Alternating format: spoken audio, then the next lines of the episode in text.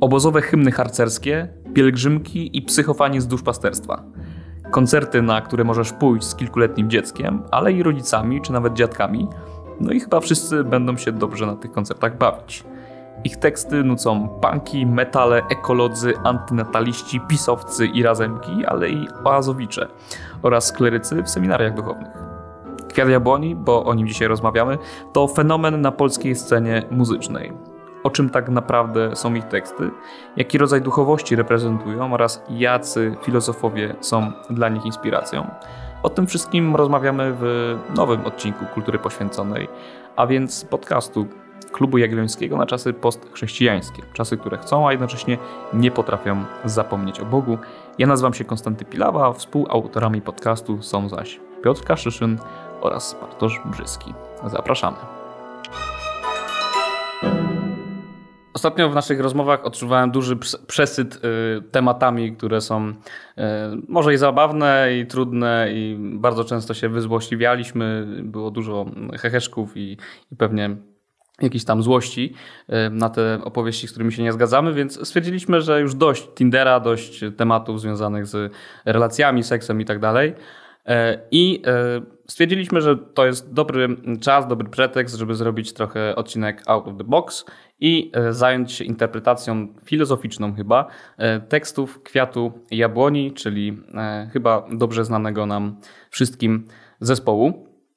I na początku, żeby jakoś otworzyć i nie przechodzić już do, do samej interpretacji, chciałem zadać chłopakom pytanie, skąd się bierze fenomen tego zespołu, bo wydaje się, że dzisiaj folk i taki lekki lekka muzyka, taka muzyka nieagresywna jest zupełnie niepopularna i to idzie moim zdaniem zupełnie w kontrze do jakichś tam e, tendencji takich e, w popkulturze, w muzyce popularnej.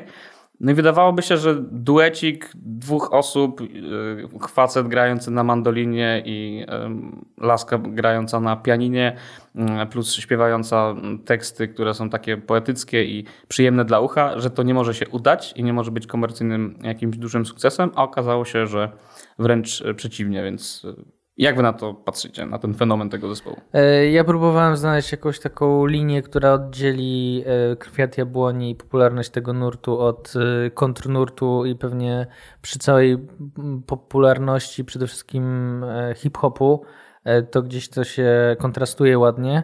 I wydaje mi się, że jeżeli sobie podzielimy ogólne wartości na materialne i postmaterialne, czy niematerialne, no to przy rapie mielibyśmy jednak, przynajmniej tym współczesnym, mocno konsumpcjonistyczny e, taki drive właśnie na to, żeby mieć i się pokazać i konsumować i jakby konsumować też w, w rozumieniu relacji, tak, z, nie wiem, z kobietami, z facetami czy, czy, czy, czy i tak dalej. Miało nie być o seksie. Druga no, minuta nagrania. Druga minuta. Bartek nie Dobrze mi szło. Natomiast Kwiat Jabłoni dla mnie jest bardzo taki właśnie y, postmaterialny, w tym sensie, że te teksty są takie y, no, o, o wartościach, prawda, o... Mm, Piotr mnie y, rozpraszasz, bo się zgłaszasz.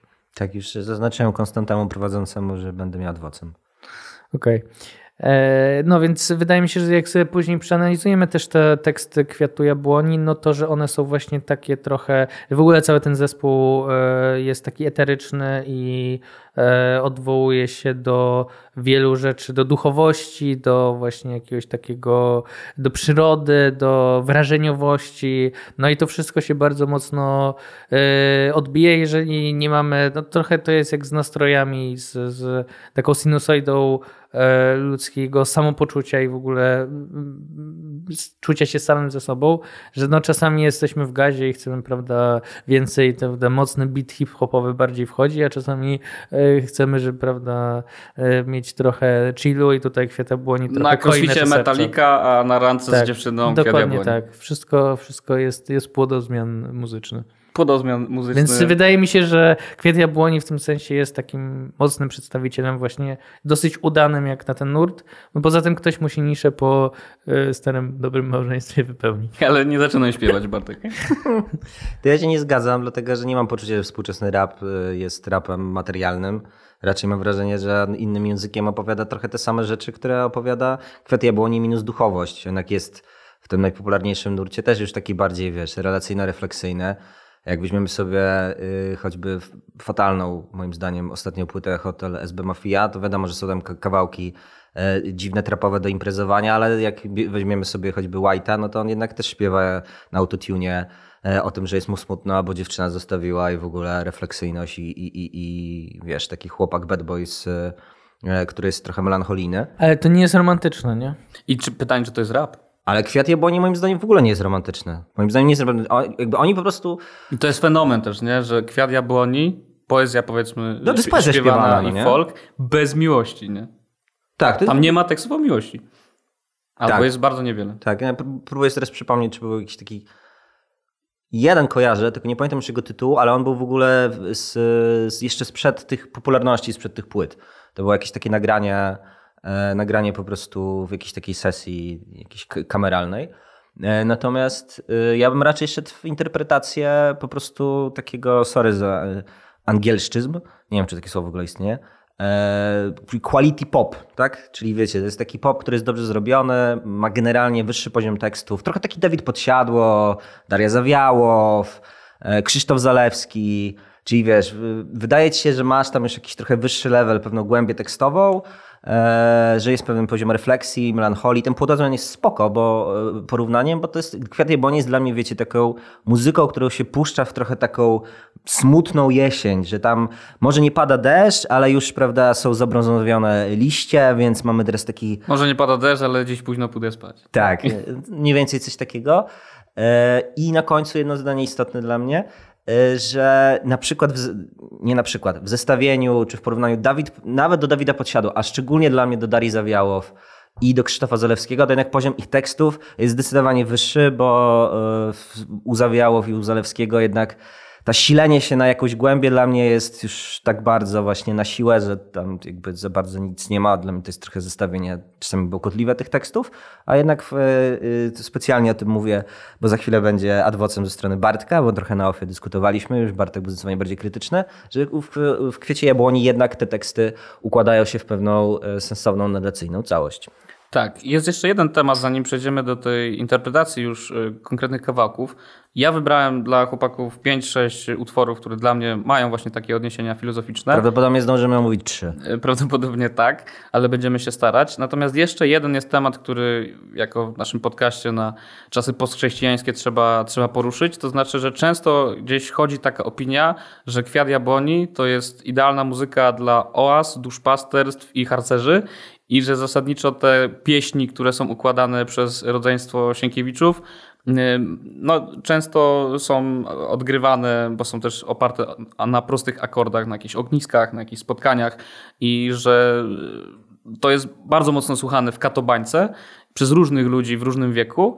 A to jest o tyle ciekawe, że wysłuchałem kilku wywiadów z tym rodzeństwem i oni kilkukrotnie się do tej kwestii odwoływali, zawsze mówiąc, że oni nie mają z tego typu narracją y, w ogóle nic wspólnego. Y, Kasia Sienkiewicz nawet nie wiedziała, czym jest oaza. U Paciorka powiedziała, że w sumie o co chodzi z tą oazą. Y, I y, odwoływała się również do duchowości, stwierdzając, że ją tak naprawdę inspiruje zen i buddyzm. I zasadniczo chodzili na strajki kobiet i, i zasadniczo to zupełnie są ludzie spoza naszej bańki. Ty- Typowe takie lipki inteligenckie, które potrafią bardzo dobrze grać i śpiewać i mają talent do chyba, ja tak uważam, układania tekstów. No więc jakby trochę tak demitologizując ten temat, ale chciałem jeszcze o to zapytać was, nie? Y, Skąd się to bierze, że, że księża, y, oazowicze i, i ludzie z duszpasterstw, których y, serdecznie po, pozdrawiamy, bo wiemy, że nas słuchacie, że to jest taka muzyka, która nam się podoba, nie?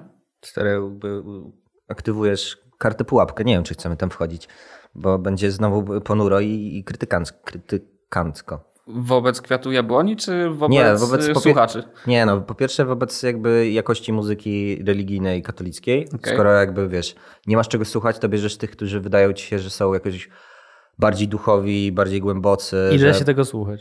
I da się No, tego ile słuchać. razy można przy ognisku zaśpiewać Bóg nie umarł, Jezus żyje, nie? to hello. Tak, albo walisz barkę, nie? Ale w to już waliliśmy y, w, w ramach podcastu na temat, to był taki wątek o pielgrzymkach, pamiętacie? Jak się zwierzałem z tego, że byłem na pielgrzymce i y, przez weekend zaśpiewałem 250 tych samo, tak samo brzmiących piosenek, więc y, postarajcie nie, się nie, jeszcze nie, nie, jakoś kłam, że się, no. nie kłam, że je śpiewałeś naprawdę.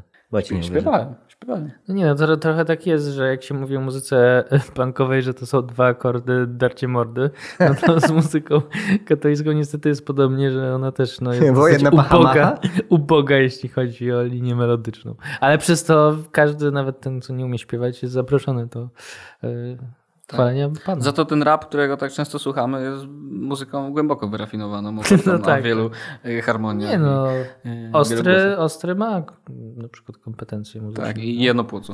Z orkiestrą grał. więc- Tak, Miłosz też grał z orkiestrą.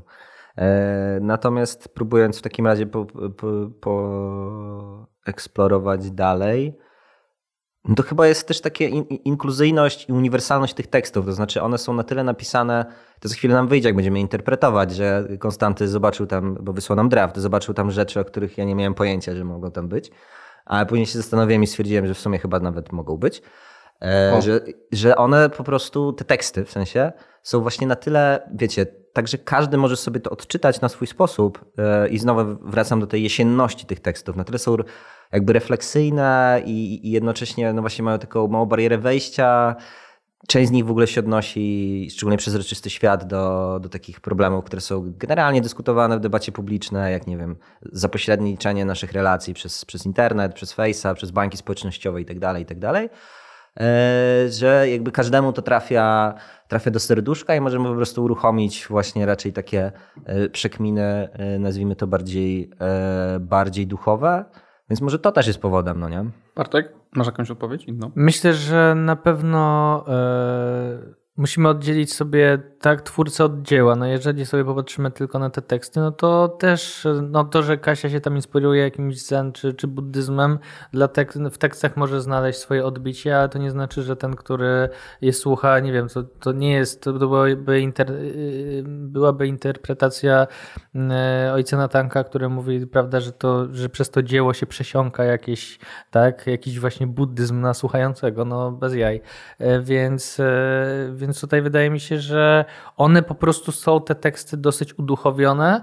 E, Natomiast e, to, czym sobie właśnie tą duchowość trochę, e, co w te ramy my włożymy, to już jest bardziej nasza rzecz. To znaczy, że my słuchając trochę też współtworzymy to dzieło, w tym sensie, że narzucamy mu jako słuchacze m, e, interpretację tego dzieła.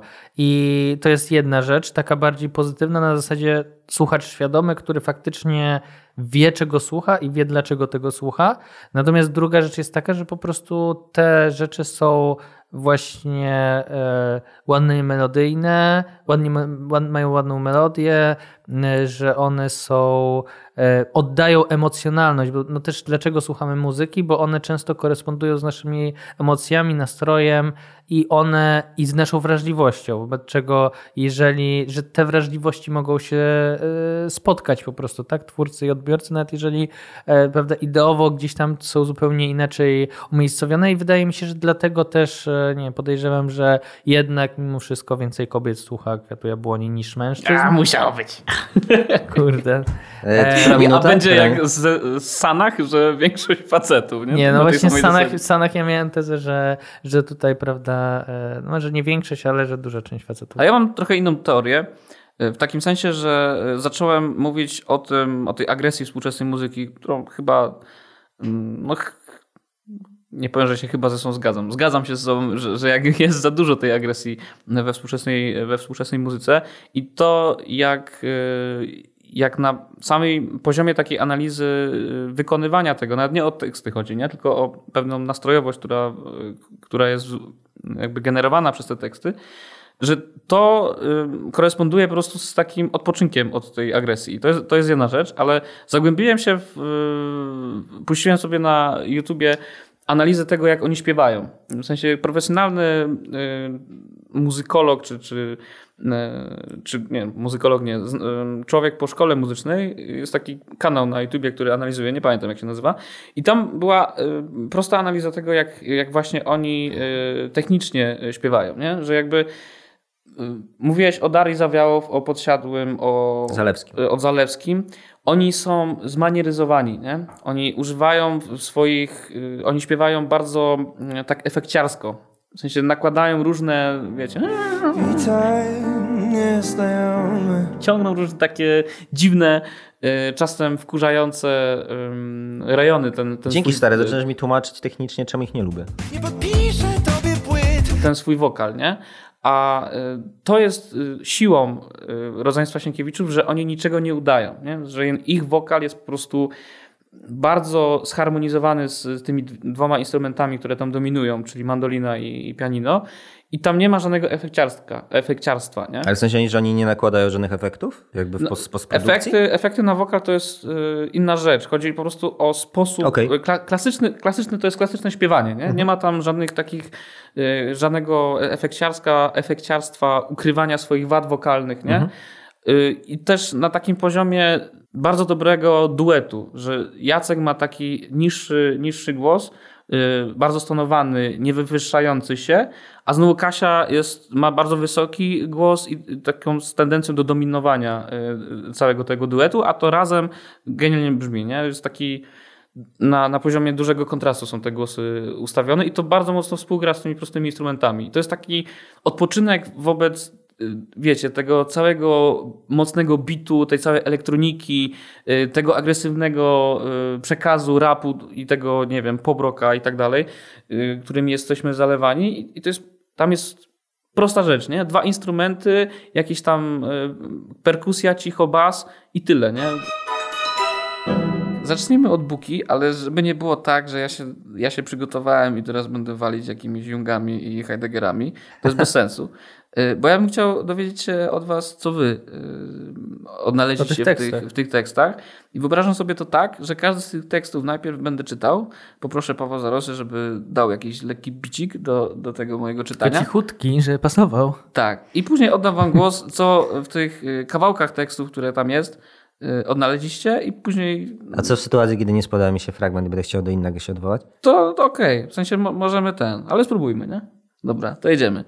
E, Więc tak, Buka to jest autorem, e, autorką tego tekstu jest Kasia i to, to jest ciekawe, bo ty kiedyś powiedziałeś, że ty wiesz, że jak powieść jest pisana przez kobiety, to ty wiesz, że to jest kobieta. Jak, ciekawe, czy, No nie, czy nie wiedziałeś, aż tak, że, że, Buka była... że ja, nie chodziło mi o to, że robię blind testy, ale że no, to inaczej są Ja, napisane. ja to stary, powinniśmy wprowadzić taki stały kącik, kolejny z wielu stałych kącików. Kącik esencjalnego Bartka, który będzie esencjalizmem płciowym. Oh shit. Here we go again. E, Na każdej płaszczyźnie.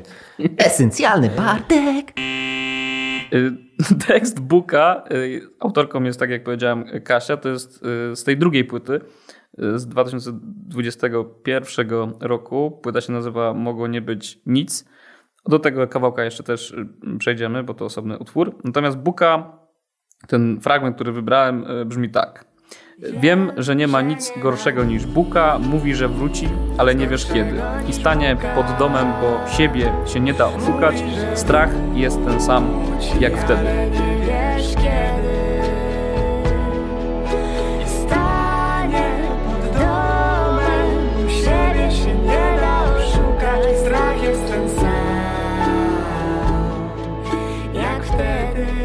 Wyglądam przez okno, raczej nie przyszedł nikt, ale podobno nie wszystko widać przez okno Raczej nie przyszedł nikt Ale podobno Nie wszystko widać, gdy Dalej. Po tylu latach wiem już na pewno, i to jest jakby klamra i y, zamknięcie tego, tej piosenki. Po tylu latach wiem już na pewno, że kiedy przyjdzie, jasne będzie jedno, złe myśli nie były tego warte, zostawię drzwi otwarte. Po tylu latach Wiem już na pewno kiedy przyjdzie, jasne będzie jedno. Złe myśli nie były tego warte, zostawię drzwi otwarte. I to jest taka balladka, która opowiada o buce, czyli zasadniczo e, lęk, jest o balada o lękach chyba zbiorowych wszystkich ludzi, którzy oglądali Muminki, więc o komentarz w tej sprawie chciałem poprosić Piotra Kaszyszyna, czyli giga fanatyka Muminków. Czy ta opowieść o buce jest również twoją opowieścią? Tak, cały dom y, zajebany opowiadaniami. No. Miał nie być przeklinania! Nie mogłem sobie darować. Naczelny muminkolog y, podcastu Kultura Poświęcona. tak. Piotr Kościeszyn. Ja mam jesteś, problem. Jesteś bardziej tatą Muminka, małą Muminka czy Mumikiem? Czy może jesteś y, włóczykiem? Wiesz co, chyba mentalnie włóczykiem najbardziej, no. Tak. Ale miałbym problem, żeby rozłożyć namiot, więc jakby nie, szybko bym zginął. E, natomiast ja mam problem, bo to jest tak, że y, ja się nie zgadzam z interpretacją Buki, jaką możemy znaleźć w piosence, y, więc nie zgadzam się z tekstem e, y, Kasi Katarzyny, bo jej nie znamy, więc nie wiem, czy tak wypada mówić Kasia, tak się dziwnie czuję. E, Więc nie wiem do końca, czy mam teraz interpretować jej tekst, czy od razu się nie zgodzić z interpretacją, czy to jakoś połączyć. No chyba naturalnie Właśnie- byłoby, żebyś powiedział, co widzisz w tym tekście, a później Dobrze. y, dlaczego ewentualnie To się nie zgadzasz. Lęki zbiorowe, no to jest jakby według mnie startowo naj, najsłuszniejsza inter, interpretacja, bo to się łączy z tym, co mówiłem wcześniej, że jakby to jest na tyle uniwersalno-duchowo-refleksyjne, że każdy może sobie podsunąć własne lęki z przeszłości. E, Na pewno jest tutaj element taki y, nerwicowo-depresyjny, szczególnie ta linijka, że mówi, że wróci, ale nie wiesz kiedy. Czy jakby nie spodziewasz się tego momentu, w którym Tak. może nastąpić ten e, jakiś taki emocjonalny spadek. Jak tak? Handra, nie? Depreka, Tak. nie? Nie wiesz, Tak. kiedy ci przywali. Tak, tak, tak, tak. I jakby y, to się też oczywiście koresponduje z samym wizerunkiem Buki w bajce, nie? Jako ta, taka wielka, właśnie ci- przyciężkawa, kulkowata postać, która może ci po prostu przytłoczyć. y, Zarówno konkretnie, bezpośrednio, fizycznie, jako, jako ta postać, jak i, jak i właśnie metaforycznie. E, więc rzeczywiście ja bym szedł właśnie w takich kategoriach. I to by w ogóle korespondowało generalnie, już kończę, generalnie z takim przekonaniem, które dzisiaj wydaje mi się też dominuje zasadniczo w debacie publicznej, że w ostatnich latach jakby bardziej na jaw wychodzą wcześniej, rozumiem, ukrywane problemy psychiczne Polaków, to, że duża część, szczególnie też, też młodszego pokolenia, nie wiem, czuje się przytłoczona. Mówi się o po pokoleniu wyżu depresyjnego, nie? Tak, ładne określenie. Więc ja to od- odczytuję tą interpretację Buki, którą y, y, w tekście możemy znaleźć, no właśnie w, w, tym, w tym kluczu pokolenia wyżu depresyjnego. Będziesz kontynuował, dlaczego to nie odpowiada herne Chciałem- hermeneutyce muminków. Ja, jako to swoje zdanie muminkologa, no, mogę poczekać i może Bartek coś tutaj dorzuci. Chyba, Tak. że nie ma nic do powiedzenia, bo nie lubi zarówno muminków, jak i tej piosenki. Nie, z minkami akurat to e, zaczynam się przekonywać, biorąc pod uwagę, jak wspaniale o nich opowiadasz. Więc No, może dziękuję. sięgnę po tę po te, po te literaturę e, i się zapoznam. E, A tak poważnie zastanawiam się, bo ja najchętniej chciałem jeszcze polemizować z Konstantym, więc nie chcę strzelać przy- zanim Konstanty nie No jak to wystrzeli. specjalnie zrobiłem, żebyś to się tros troszkę obnażył i ja potem jakby- cię będę kopać. My wiemy, jakie mamy karty. I teraz jest pytanie, w którą To stronę dobrze, pójdzie to zanim, zanim Konstanto Jungu, to ja po prostu mogę szybko powiedzieć, czemu się nie zgadzam. Dawaj. Ja się nie zgadzam, dlatego że to jest taka interpretacja Buki, yy, która według mnie jest dosyć taka bezkanciasto-pastelowa. To znaczy, że Buka to jest taka postać, która symbolizuje nasze nieprzepracowane lęki, ale jak my, yy, wiecie, pójdziemy troszkę na kozetkę, terapeutycznie się ogarniemy, to się okaże, że to, co nam wydawało się potworem, tak naprawdę jest delikatnie uśmiechającą się, yy, ukrytą częścią naszego charakteru. Tymczasem to jest w ogóle sprzeczne z samymi muminkami. Ja jako naczelny muminkolog czytam teraz yy, opowiadanie Tatuś Muminka i Morze. Gdzie Nie, to jest występuje- kochane, nie? Jakby to, to tak... Przepraszam za konwencję, kogoś to wkurza, to Chodzi trudno. po klubie i szumi. tak. Ale nie wiem, stary, jak to zostanie odebrane, nie? Jakby powiedziałeś o sobie, że Jestem naczelnym muminkologiem. naczelnym muminkologiem, a ty jesteś stary, poważnym redaktorem naczelnym poważnego, kurde, portalu, no. Poza tym to jest łączenie dwóch funkcji, ja tu widzę konflikt. Dajcie mi dokończyć, kurde. No, jest ten Tatuś Muminka i Morze. Yy, I tam jest też postać Buki. Jest Muminek, który yy, właśnie przyjmuje trochę taką postawę Kasi, to znaczy chce poznać tą Bukę i uważa, że to jest taka właśnie trochę zagubiona o- osoba, istota, którą można pocieszyć, której można pomóc. I nagle, wiecie, ma, mama Muminek, nie? Mamu, mamusia Muminka, czyli postać jakby przyłóż do rany. I ona nagle mówi: Nie, nie interesuj się w ogóle buką, bo buka to jest taka osoba, która jest po prostu zła i która wyciąga z ciebie y, siły witalne i nie należy z nią wchodzić w ogóle w relacje, bo to może się po prostu skończyć dla ciebie źle, a ty jej nie uratujesz. Więc dla mnie to była taka postać i to jest pie- pierwszy moment, w którym y, bzz, uruchamiamy blender intelektualnej nadinterpretacji. E, Bo wi- ja wiem, że Konstanty będzie czytał Bukę przez Junga. Ja, ja czytam Bukę raczej przez Gombrowicza, że to jest ta jedna z wielu postaci, które są w dramatach Gombrowicza, która jest totalnie antyrelacyjna. Jest jakby demoniczna w tym, że nie jest w stanie mieć w sobie dobra, nie jest w stanie zawiązać relacji z drugim człowiekiem. I ta Buka, która y, w opowiadaniach jest taką postacią, która przychodzi ciągle do, do różnych y, rodzajów światła, które się pojawiają, czy tam w oknie, czy do lampy, na przykład do lampy w Tatusiu, Muminku i Morzu. E, ona jakby pożera to światło. Nigdy nie jest w stanie jakby wciągnąć tego światła do siebie i jakby trochę się przekształcić z tej swojej zimności e, i bezrelacyjności. Więc jakby przy całym oczywiście y, trzymaniu y, proporcji, dla mnie to jest postać jakby takiej tajemniczej pustki. W sensie to, że taka postać jest w bajce dla dzieci, to jest raczej taki klimat, wiecie, jak z braci Grimm, no nie? Tak, On- tak. Więc jakby to jest dla mnie postać jakby na poziomie symbolicznym, no właśnie nie taka, że możemy ją tylko, wiecie, odwrócić trochę wektory, jak generalnie teraz się odwraca, że źli są trochę dobrzy, a dobrzy są trochę źli w popkulturze, to tutaj mam wrażenie, że była trochę podobna strategia, a mam wrażenie, że ona jest po prostu sprzeczna z tym, co sama Tove Jansson o Buce pisała. No, y, to tak, ja może nie o samej piosence, bo rzeczywiście jak sobie na świeży umysł przeczytałem swoją własną interpretację tego, to y, zarzut Bartka jest częściowo słuszny, że trochę nadinterpretuje. Natomiast ja chyba nie tyle na samym tekście y, Kasi skupiłem się, tylko właśnie na postaci Buki jako takiej, nie?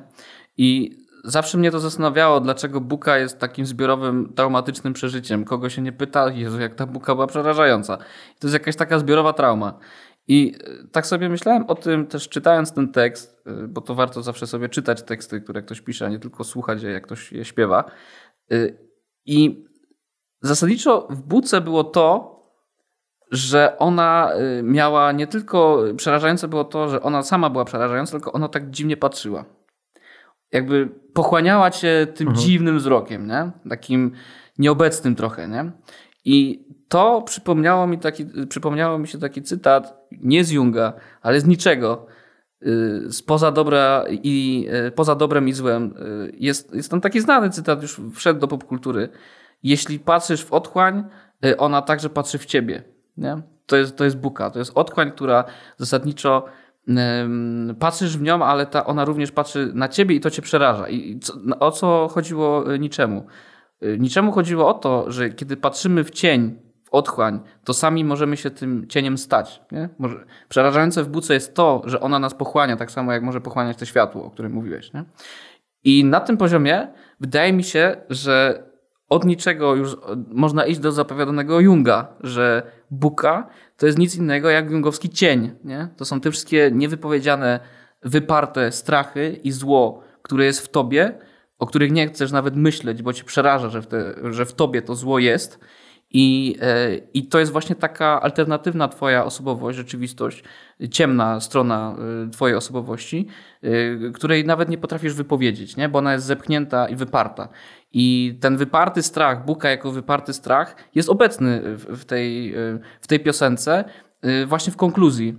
Bo Kasia pisze o tym, że trzeba zostawić drzwi otwarte tej buce, nie? Trzeba się jakoś do tej buki przekonać. W sensie nie można się jej bać. Trzeba stanąć y, z tą buką w twarzą w twarz, nie? I od tej strony y, szedłem dalej Jungiem, bo Jung mówi, że ten cień, jungowski cień, czyli bukę, trzeba zintegrować, czyli postarać się go wypowiedzieć i właśnie spojrzeć, spojrzeć w, tą, w tą otchłań, nie? Zderzyć się z tą, nie wiem, Kasia chce z depresją, nie? ale ja mówię, że zderzyć się z tym swoim y, wypartym strachem i lękiem, nie? właśnie zderzyć się z tą buką, czyli zintegrować cień, nie? żeby stać się dojrzałą osobowością. Bo na tym po polega ta droga y, dojrzałości osoby u Junga, że mamy ten swój cień, ale musimy go zintegrować, żeby stać się jednostkami świadomymi, dojrzałymi, czyli no właśnie zindywidualizować się nie? jako takie. Konstanty Peterson. I wydaje mi się, że, że to jest nadinterpretacja i pewnie sama Kasia nie miała tego na myśli, ale wydaje mi się, że sam, sama postać Buki y, jest ciekawa, nie? jako taki zbiorowy lęk naszego, naszego dzieciństwa. Tak, tylko że ja. No, wchodzimy teraz, bo też wydaje mi się, że trochę próbujemy spopkulturyzować jakby Junga, niczego i tak dalej. Natomiast e, ja mam po- podstawowe dwa problemy. Pierwszy jest taki, że dla mnie Buka nie jest strachem. Jakby to jest, że jeżeli odnosimy się do jungowskiego cienia, to raczej byśmy powiedzieli, że to jest śmietnik naszej podświadomości. Wszystko to, co nie jest autoryzowane przez e, kulturę e, i to, co uważamy za niemoralne, tak? Czyli no, I nie sze- tylko, y, bo to jest wszystko co wyparte i tam oczywiście jest y, przewaga zła, ale też mogą być dobre rzeczy. Nie? Jak integrujesz cień, to stajesz się silniejszy, bo czasem z, z tych wypartych rzeczy możesz czynić coś, coś dobrego, nie? Według, według Junga. I to jest po prostu wyparte, bo to cię starzy pytanie, tak nauczyli kulturę. pytanie nie? brzmi, i to jest mój generalny problem. Znaczy, pytanie brzmi, czy my się z Jungiem zgadzamy. Bo problem polega na tym, tak jak y, Kaszczu, naczelny y, muminkolog, mówił, powołując się na Jansson i to, co mówi mama Muminka do Muminka, to mówi, że nie możesz się nią interesować, nie możesz jej współczuć, nie możesz, nie możesz jej e, internalizować, tak? E, mm, Musisz ją zostawić jakby tam w lesie, gdzie, gdzie jest i w całych muminkach e, e, Buka się z, możesz mnie poprawić, Kaszczu, ale wydaje mi się, że ona się cały czas zbliża. Ona wyskakuje w różnych miejscach, tak jak ta nasza, no jednak osobowość pełna różnych e, e, dewiacji rozumianych nie w seksualnym względzie, tylko odchyleń od normy, tak? Od tego, co wyznaczamy jako, jak uważamy za normalne i za, za dobre na zasadzie takim, że, że nie, nie należy się tego pozbywać. E, że, że, że, że to co jakiś czas się pojawia i patrzy na nas i my patrzymy, ale patrzymy na to z przerażeniem na zasadzie to jest coś, coś i przeraża nas najbardziej moment spotkania, tak? Czyli kontakt nas najbardziej przeraża, bo nie wiemy, co się wydarzy, ale zakładamy, że nie wydarzy się nic dobrego. I moim zdaniem w mominkach Buka jest ostrzeżeniem, że nie możesz się do niej zbliżać i musisz pozostawić ją z boku. Więc to jest Buka w tym, w, w, w, w mominkach jest antyjungowska dla mnie. W sensie ona się zgadza, że ten cień jest, ale że nie powinieneś się nim interesować, bo co jeżeli nad nim nie zapanujesz? Bo to jest takie założenie, że ty y, w spotkaniu z tym cieniem wyjdziesz silniejszy, bo go pok- pokonasz, ale Nietzsche dla odmiany cię ostrzega, tak jak Jansson, że nie możesz tego robić, bo ona może pochłonąć ciebie i ty nie staniesz się silniejszy przez... To jest jak, to jest jak interpretacja, wiecie, czy da się y, skonsumować czarną dziurę, nie? Czarna dziura zawsze cię skonsumuje, nie? I to jest raczej tego rodzaju... Fizyka kwantowa teraz. I, i, i, to- i, tak, wchodzimy w I kto to czwartą, nadinterpre- w czwartą, czwartą gęstość Michała Pola. Tak, jeszcze Mm, powiedz, że się. przekraczamy punkt Nemesis.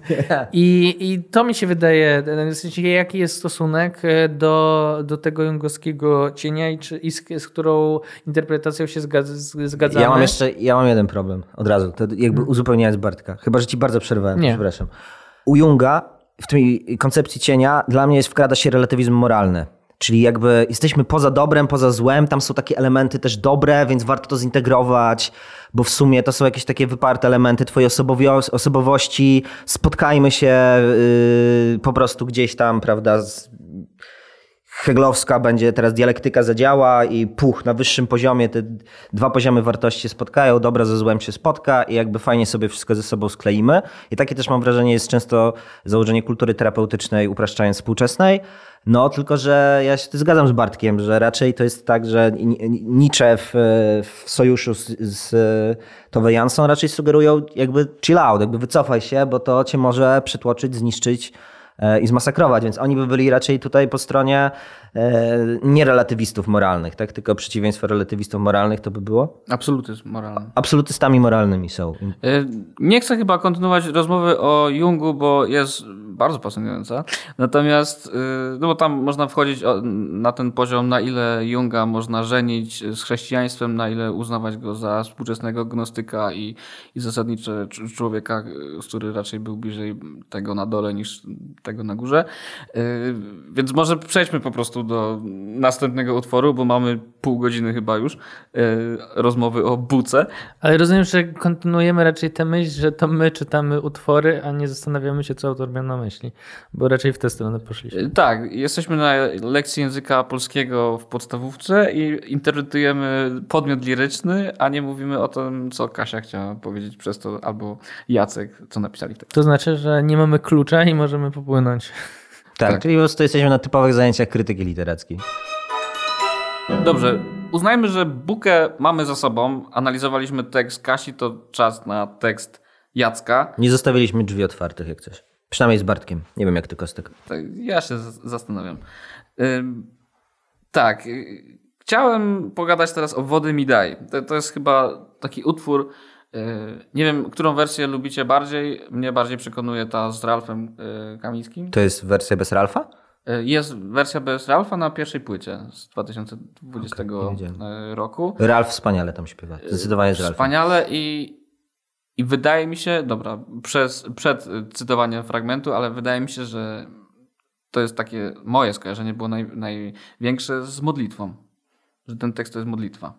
Ale przejdziemy do tego. Szczególnie potem, potem na tych chórkach, jak razem tak śpiewają, to jak trochę jak y, na liturgii. Y, ale to zaraz. Cytuję. E, Paweł Zarosa, muzyczka. Wrzuceni są w świat i rzuceni są w siebie wszyscy pod niebem. Jak wielki pożar jest świat, co wiecznie trawić się ma od nieba aż po ziemię. Wrzuceni są w świat i wrzuceni są w siebie. O, wszyscy pod niebem. I dalej. Więc przez płonący las przeprowadź mnie, niech z nieba spadnie na mnie wielki deszcz. Więc przez płonący las przeprowadź mnie, jak wielka rzeka wpłyń, uratuj mnie. Więc przez płonący las przeprowadź mnie Niech z nieba spadnie na mnie wielki deszcz. Więc przez płonący las przeprowadź mnie. Jak wielka rzeka w pełni Ratuj mnie I jak już mówiłem ostatnio, prosiłem o głos e, Kaszyszyna, żeby zinterpretował e, ten tekst, a Bartek uciekł. Tak teraz się Piotrek też... Tak, teraz chciałbym, że- żeby, żeby Bartek zmierzył się z, z tym, co przed chwilą przeczytałem. Nie wiem, bo ja nie mam, ja nie mam e, aż tak obudowanego filozoficznie tego, żeby uargumentować, dlaczego mnie ten, wasza interpretacja i to, co powiedzieliście, przekonuje. Natomiast. E, Ale jeszcze nie zainterpretowaliśmy najpierw, tego. No nie, bo, bo, bo to rozmawialiśmy na offie, były dwie główne interpretacje, jedna ekologiczna, druga bardziej. E, Filozoficzna, egzystencjalna. tak, e, bardziej metafizyczna. To znaczy, że e, no, jeżeli przy całej twórczości Kwiatu Jabłoni towarzyszy im jakiś e, taki ekologizm szeroko pojęty, to ja szczerze mówiąc e, mnie to nie obchodzi i ja tej, Podoba mi się. Mocne I- stanowisko od razu. i w tym, I w tym utworze widzę faktycznie mm, no, wyzwanie do absolutu. Tak? No jeżeli miałbym interpretować tak, bo po prostu rozpisuję sobie e, tak, co podmiot liryczny, do kogo zwraca swój głos, no to ja tu widzę nie tylko dosłowne e, wezwanie do e, uratunku przed powodzią, pożarem i pożogą i trzęsieniami ziemi, e, ale po prostu do, do prowadzenia przez, e, przez trudy i znoje życia.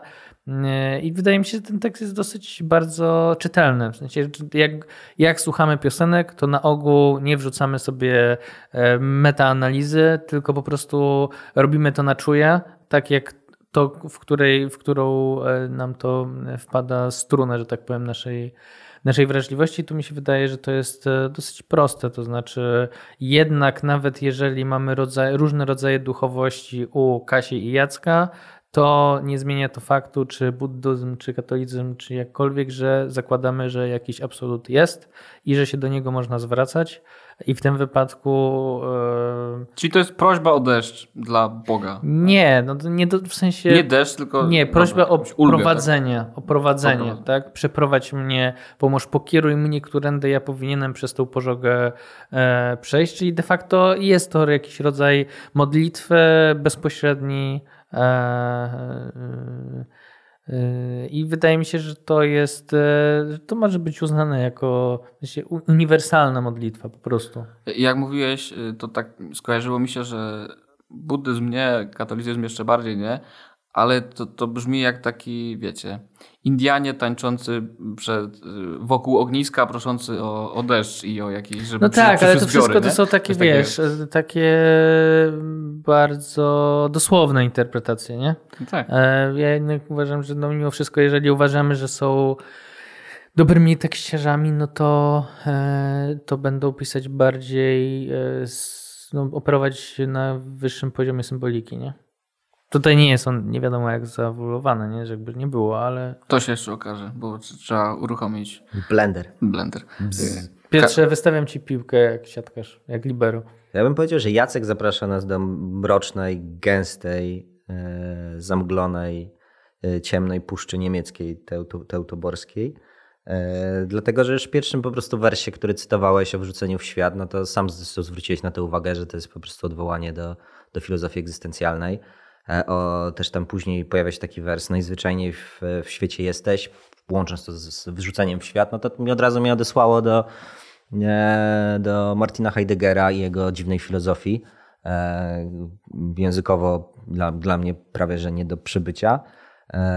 I ewidentnie to jest jakiś dla mnie rodzaj no właśnie egzystencjalizmu, czyli przekonanie, że my jako pewien byt, ja on tam mówię o tym ładnie, jest jest, jest, jest w świecie gdzieś między bytem a, e, e, a Czyli się nie zgadzasz ze mną, bo jeżeli egzystencjalizm, to znaczy, że nie ma żadnego absolutu, nie? Wiesz co, no to jest tak, że kurczę, jest, trochę, jest- trochę jest jest, absolutu i trochę, nie? i trochę nie ma absolutu. To znaczy, A wie pan, moim zdaniem to nie ma tak, że dobrze albo że niedobrze. jakby ten, ten las, w którym on jest, no to ja go interpretuję jako właśnie taka egzystencja tutaj w świecie, która jest trudna, przytłaczająca. E, I to wołanie do tego absolutu tam jest, ale to jest wołanie raczej o takie poczucie sensu. To jest postchrześcijańskie dla mnie generalnie. Tak Jak cały Martin Heidegger, który udaje, że odkrywa na nowo filozofię, a gość po prostu próbuje robić e, duchowość bez katolickiego Pana Boga, tylko wszystko to podlewa, prawda, niemieckim sosem, e, nie, niezdrowym jakiegoś idealizmu niemieckiego. No to generalnie jest tak, że w tym Kupuję tekście... to, kupuję to. Cieszę się, dziękuję. E, No to tutaj jest ewidentnie dla mnie ten, ten las, jest ciemność, jest pożoga. E, Tam u Heideggera jest taka kategoria, e, jak już się zorientujesz, że wychodzisz jakby z tego codziennego życia, takiego najprostszego, nagle się orientujesz, że kurde, w sumie jesteś, jesteś ku śmierci, bycie ku śmierci, że świat trochę nie ma sensu, musisz mu teraz nadać znaczenie, pojawia się tak zwana trwoga, angst, bo boisz się tego, że popadniesz w tak zwaną nieautentyczną egzystencję, Stary, jak mówisz po niemiecku, nie musisz krzyczeć. ale język niemiecki jest do krzyczenia, tutaj wyłącznie. Więc raczej to jest tak, że to jest jakieś takie poszukiwanie i to wołanie modlitewne, które rzeczywiście tam występuje, ono jest właśnie, nie wiem do kogo ono jest wołaniem. Czy ono jest wołaniem do jakiegoś osobowego bytu absolutu, czy de facto ono jest jakimś wołaniem naszego wewnętrznego e, po prostu ducha, sumienia tego, żebyśmy sami siebie potrafili wyciągnąć z tego lasu i przejść przez niego i dotrzeć właśnie do tego autentycznego życia, żebyśmy potrafili nadać sens naszej ludzkiej egzystencji, a nie tylko gubić się no właśnie w ciemnościach bytu łamanego przez bycie, czy tam inne trudne słowa, które pan Martin Heidegger z niemieckiej puszczy nam e, nadawał. Y, To ja wrzucę, jako że trochę się naczytałem na studiach, y, niestety, też nie lubię y, Heideggera, to wrzucę z dwa disclaimery. Po pierwsze, jak egzystencjalizm to jeszcze nie oznacza braku Boga, bo też można mówić o egzystenc- egzystencjalizmach chrześcijańskich. To jest szeroki nurt. To jest pierwszy. Drugi jest taki, że Heidegger niewiele ma wspólnego z idealizmem, bo z idealizmem niemieckim walczył. Właśnie na zasadzie mm, pójścia na początku w egzystencjalizm, a później jakieś dziwne rejony i tam nie dotarłem yy, nigdy. Są te powojenne mistycyzmy takiego dziwne, nie? Tak, bardzo, bardzo trudna, trudna rzecz do czytania. Już bycie i czas jest trudne na, na poziomie e, po prostu językowego przyswojenia tego, a to jest 27 rok chyba, pierwsze wydanie, a potem idzie to tylko gorzej. E, natomiast e, to chyba powiedzmy dwa sprostowania. Ten jakby Kierunek w stronę Heideggera jest, jest bardzo oczywisty, natomiast bo tak się zaczyna. Rzuceni są w świat, więc to jest ten pierwszy egzystencjał, tak? Heideggerowski. Człowiek tak istnieje w świecie, że jest rzucony i zasadniczo nie wiadomo czemu. Nie? Jest ograniczony przez czas i przestrzeń i ten czas i przestrzeń w tej konkretnej sytuacji go nie woli musi jakoś się odnaleźć. Yy, natomiast ciekawe jest to, i nie wiem, czy to znowuż nie jest nadinterpretacja, ale Jacek Sienkiewicz jest yy, po filozofii. I jest taki tom esejów y, Heideggera, który się nazywa, uwaga, uwaga, Drogi lasu. I wydaje mi się, że tam y, ten, cały ten tom się zaczyna tak, trochę jak ta piosenka. I trochę nam chyba odpowiada na pytanie, kim jest y, ten absolut nie? W, w, w tej piosence. Przeczytam, bo to krótkie jest, jak to się zaczyna. Drzewo jest dawną nazwą lasu, to jest Heidegger. W lesie są drogi, które często zarastają i kończą się nagle chaszczami, w których nie postąpiła ludzka noga. To drogi lasu. Każda biegnie osobno, ale w tym samym lesie. Często wydaje się, jakby jedna była podobna do drugiej, ale tak się tylko wydaje. Drwale i leśnicy znają te drogi. Wiedzą, co oznacza znaleźć się na drodze lasu. Nie? Więc jakby to, to jest metaforyka oczywiście i żeby porównać to do tego tekstu i wytłumaczyć, czym jest ten absolut w tym, w tym tekście, to dla mnie to jest tak, że no właśnie człowiek wrzucony w ten świat jest wrzucony w te chaszcze, jest zagubiony w tym lesie. Nie, nie wie jak iść i nie ma tych dróg. Jest po prostu człowiekiem bez orientacji, e, który właśnie jest samotny, zalękniony, nie wie gdzie iść.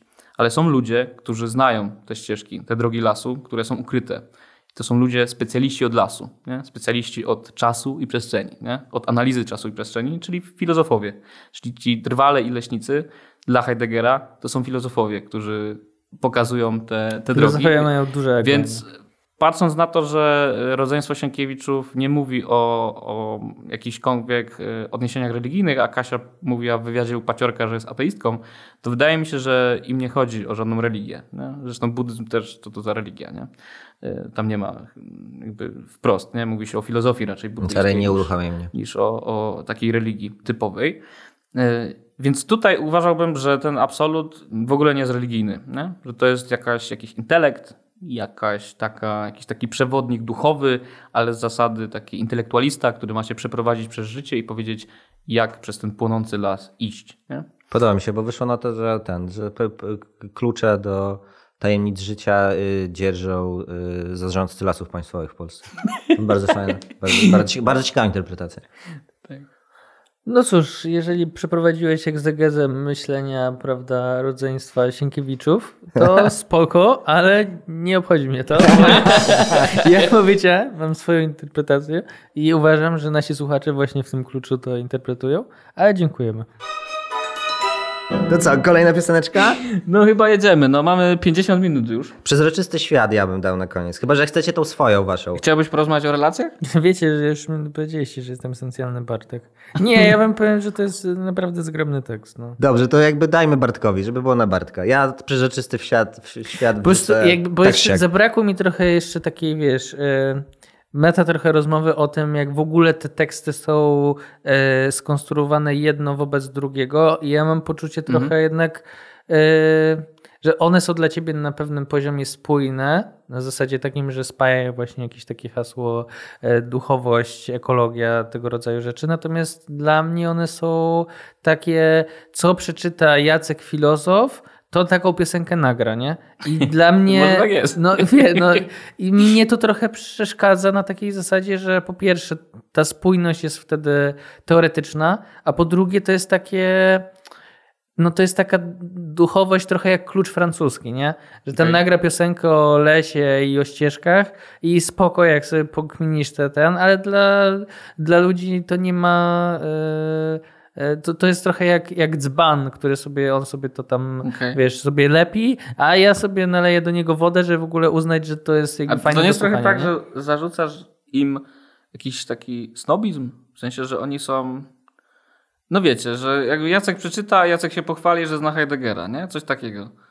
Że on... Nie, no ja rozumiem, że to go jakoś tam jara. Po prostu nie uwa- uważam, że jest ryzyko przeintelektualizowania tego. Czy to jest ko- 73 raz, kiedy będziemy używać porównania do Olgi Tokarczuk? Że to jest muzyczna Olga No Tokarczuk? właśnie, że to wiesz, że to jest jakby dwa pokolenie niżej, ale że zagrożenie widzę podobne trochę. Poza tym, przepraszam, jeszcze czekałem na ten moment, żeby to powiedzieć, że z, z Sienkiewiczów, rodziny Sienkiewiczów lubię najbardziej e, prawda, elektryczne gitary.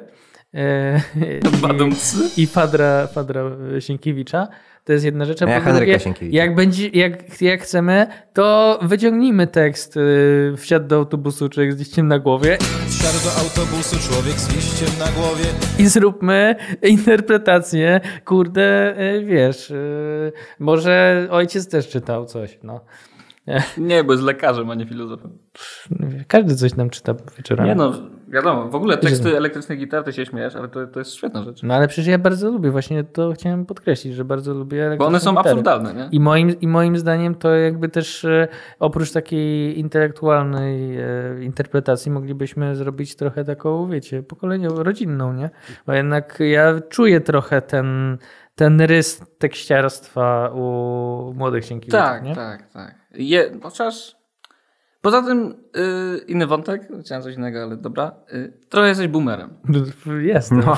Fantastyczne. To jest Klepie się kolejny po, raz. Nie? Klepie się po brzuszku. To kolejny raz. Po prostu porozmawiajmy o takim e, zespole dla młodzieży Kwiat Jabłoni. No, wiesz, dużo filozofii, Heidegger, Heidegger. A tam, elektryczna gitara. No. Posłuchaj sobie, świat, co ten, wsiadł e, człowiek z liściem na głowę. A przepraszam, bo ja z, znowu w drugą stronę, elektryczne gitary to jest ta piosenka, że tam są dzieci wyszły ze szkoły Tak. i pluły. O matko, to jest taki shit. Jesus. Przepraszam, ale naprawdę, ten tekst nie ma żadnego sensu, to jest popularna piosenka, okropne to jest. To już zdecydowanie w takim razie... e, Dobrze, umówmy się, bo ja, rodzeństwo najba- ja elektryczną gitarę lubię e, słuchać w samochodzie, więc zabiorę was na wycieczkę w góry i będziemy po drodze... Nie. To byłem, byłem z tobą we Włoszech i dwa tygodnie prawie darliśmy japę do bajmu. A Nie to, no, jest, Bime, to, jest Bime to jest osobny, to historia. jest osobny mój zespół do samochodu. Mogliby zrobić taki W- o, odcinek? ale słuchajcie, przepraszam cię Kostek, ale jak ja bym się wyciągnął teraz, jakie my teksty Bajmu interpretowaliśmy wtedy, to... Oj tak, pamiętam. No właśnie, To toskańskie wino było, prawda, no właśnie. towarzyszką naszą. Nie ma mnie. E, To jest też z tej nowej płyty e, 221. E, Autorem jest również Jacek. Siebie nie rozumiem, gdy mam przed sobą pustkę. W tobie rozpoznaję się, Siebie jesteś moim lustrem. Czy ja opuszczę cię, będzie mnie tu trochę mniej. I czy jak zostanę sam, nie, nie rozerwie mi się świat. się, jesteś moim lustrem. Czy jak opuszczę cię, będzie mnie tu trochę mniej No i teraz refren, bardzo zostanę sam, pełny, nie śpiewny. Nie ma mnie, świat. nie ma mnie, kiedy ciebie nie ma. Ja bez ty, ty bez ja, jest nie do Nie ma pomyślenia.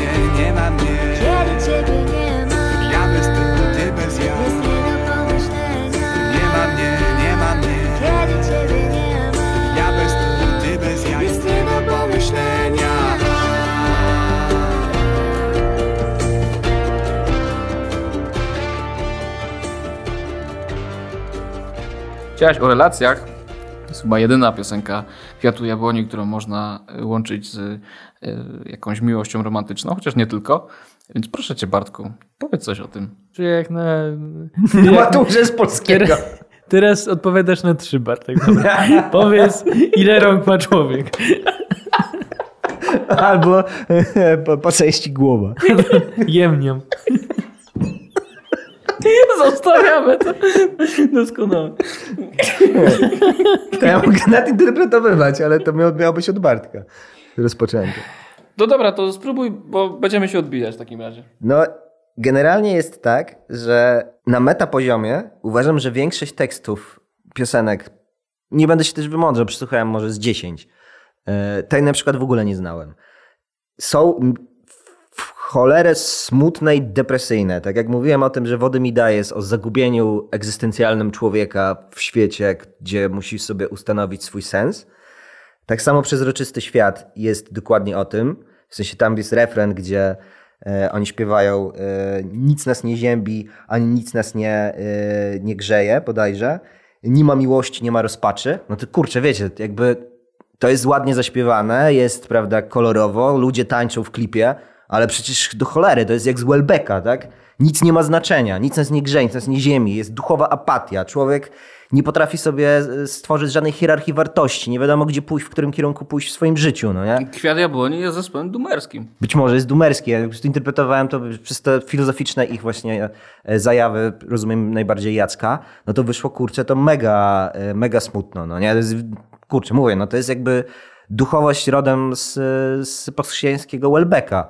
I jeżeli mamy przezroczysty świat, e, a z drugiej strony mamy ten kawałek, który teraz interpretujemy, no to to można potraktować go, y, tą filozofię dialogu, która tutaj występuje w tekście Jacka, jako po prostu jakiś ratunek, no nie? Że jakby osadzimy się przynajmniej w tej jednej konkretnej osobie, a osadzając się w tej jednej konkretnej osobie, będziemy mogli jakby ten cały zgiełk bez sensu, który nas otacza, znowu niczym z Gombrowicza, odsunąć na moment, no bo popatrzymy w oczy tej drugiej osoby i osadzimy się w oczach innego i ten inny jakby nada nam, e, nada nam wartość. I jakby jest też jakiś jeden kawałek, którego też nie zdążymy zinterpretować, czyli ten ty, tytułowy z płyty, Mogło być nic, e, gdzie oni znowuż z jakąś taką szalupą ratunkową dla tego bezsensu świata jest to, żeby jakby odnaleźć się tylko w tej prostocie, tak? w tej codzienności, jakby z, zauważyć, że właśnie jest jakaś szarość, jest słońce, są proste czynności, jest ten drugi człowiek i to wystarczy.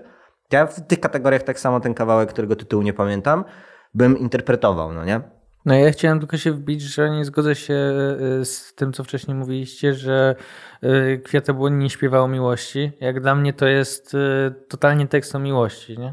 Ten, No, który przeczytałem. Ten, który przeczytałeś, no bo zasadniczo to jest spekulacja trochę, tak? Znaczy, co się stanie, jak ciebie nie będzie, e, jak będzie wyglądał świat, kiedy, kiedy nie będziemy razem, no to jakby to, że nie pada tam słowo miłość, jak zrobimy Ctrl F i wpiszemy, no to nie znaczy, że, że jakby to, to tam Nie, to moim zdaniem to może być nie to jest wisi, nie? miłość, ale to może być ojciec, to może być dziadek, to może twój, być twój najlepszy przyjaciel. Ja to to raczej może być interpretuję pies szerzej.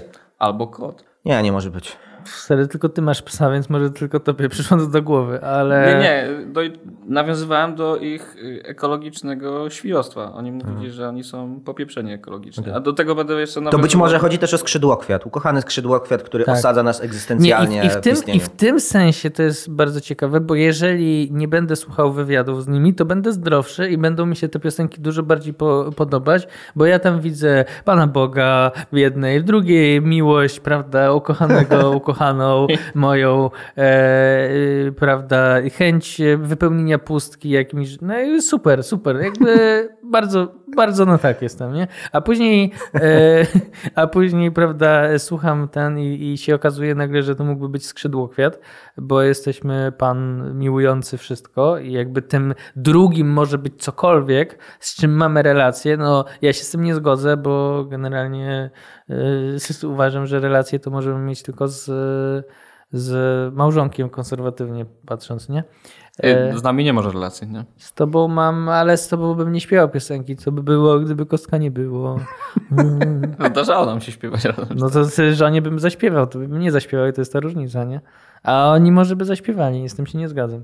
Więc, więc ja tu widzę miłość, a oni może widzą miłość do świata, no nie wiem. Okej. I Ja nie, chcia, nie chciałbym się na, naigrywać y, z, z tej ekologicznej świadomości, no bo jednak to jest dzisiaj opowieść, która chyba jest jedyną opowieścią poważnie traktowaną przez młodych ludzi. I wydaje mi się, że Kwiat Jabłoni również może być jakimś takim zespołem, y, który no, wyraża jakąś tą świadomość nie? ekologiczną tych, tych młodych y, ludzi, radykalnych y, ekologów.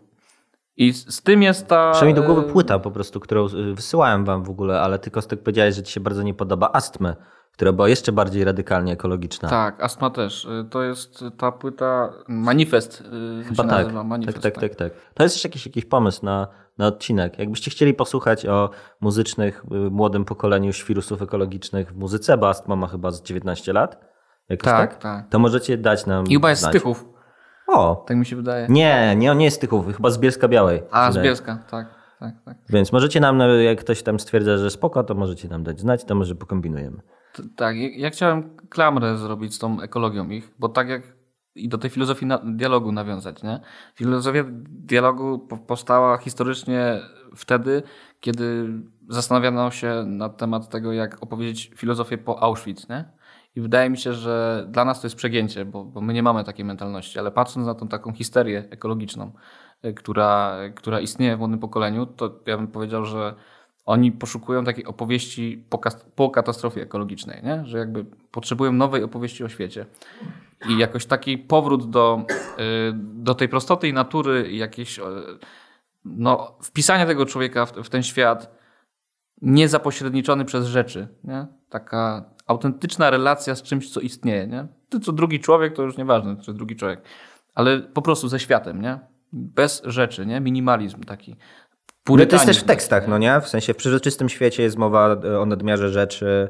E, Dużo jest też, e, są, znaczy dużo, są fragmenty w tej pi- pierwszej takiej piosence, która ich wywindowała na YouTubie, Dziś późno pójdę spać. Tam też są fragmenty e, o generalnie społeczeństwie masowym. Już na mnie idzie tłum i depcze wszystko po drodze, nie mogę uciec mu. On też przed sobą nie może, tak? Już na mnie idzie tłum i depcze wszystko po drodze. Nie mogę uciec mu, on też przed sobą nie może.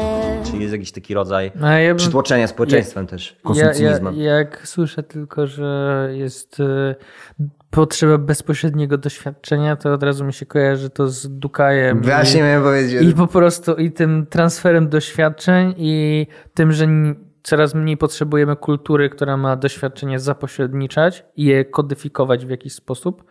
Tylko, że właśnie potrzebujemy, żeby to było bezpośrednie, żeśmy wszystko doświadczyli, poczuli, że to jest takie wrażeniowe.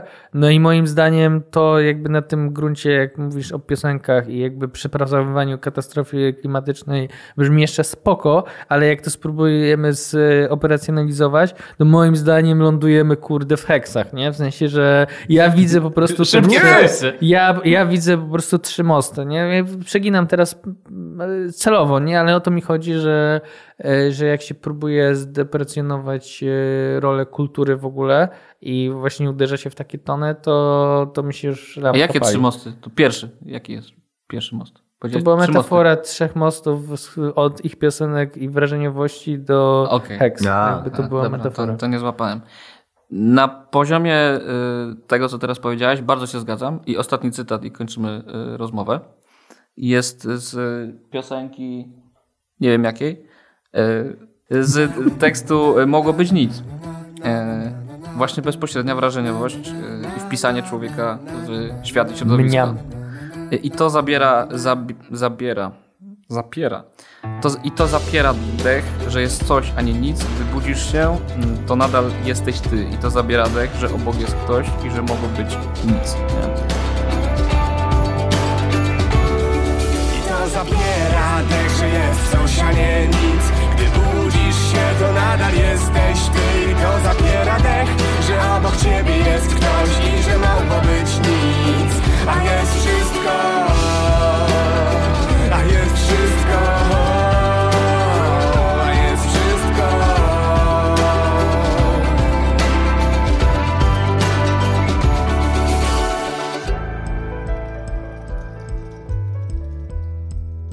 A skoro szarość nie zachwyca, to ilu potrzebujesz barw? Bo chociaż wczoraj zaszło słońce, to nie musi jutro wstać. A skoro szarość nie zachwyca, to ilu potrzebujesz barw? Bo chociaż wczoraj zaszło słońce, to nie musi jutro wstać. Myślę, że jakby masz tą bezpośrednią wrażeniowość i nawet jak żyjesz w szarym bloku, to musisz docenić to, y, że ta szarość wokół ciebie istnieje i musisz jakoś na nowo się tym światem zachwycić. Nie? Żeby- Albo się nie zachwycić, bo słońce nie wstanie, pierdzielnie i nic nie będzie. No to jest Dziękuję. trochę tak i to mnie kieruje w stronę filozofii e, koszulek e, typu t-shirt z napisem YOLO. E, żyjesz tylko raz, więc wykorzystaj to na maksa. Chyba YOLO już pojawiło się w poprzednim odcinku. A to przepraszam. I chyba mówiłeś też o koszulce z napisem YOLO. Kurde, to jakieś widzę, że to jest taki skrypt, w którym wpadam. Mamy Możesz kilka takich skryptów i prawdopodobnie gdybyśmy je zlepili wszystkie, to nasze odcinki miałyby 10 minut. To prawda. Tylko cały czas wrzucamy tych Heideggerów i zapychamy odcinki. Nasze dwie myśle, myśli obudowujemy nieustannie. Dobra, to dzięki za kolejną rozmowę. Do usłyszenia za tydzień. Jeśli ten eksperyment uważacie co najmniej za choć trochę udany, to dajcie znać. Być może zanalizujemy zespół, który nam podrzucicie. No bajm koniecznie, no tam jest kopalnia. Y, Zanalizujemy wasz zespół, który nam podrzucicie, o ile będzie to BAIM. Do zobaczenia.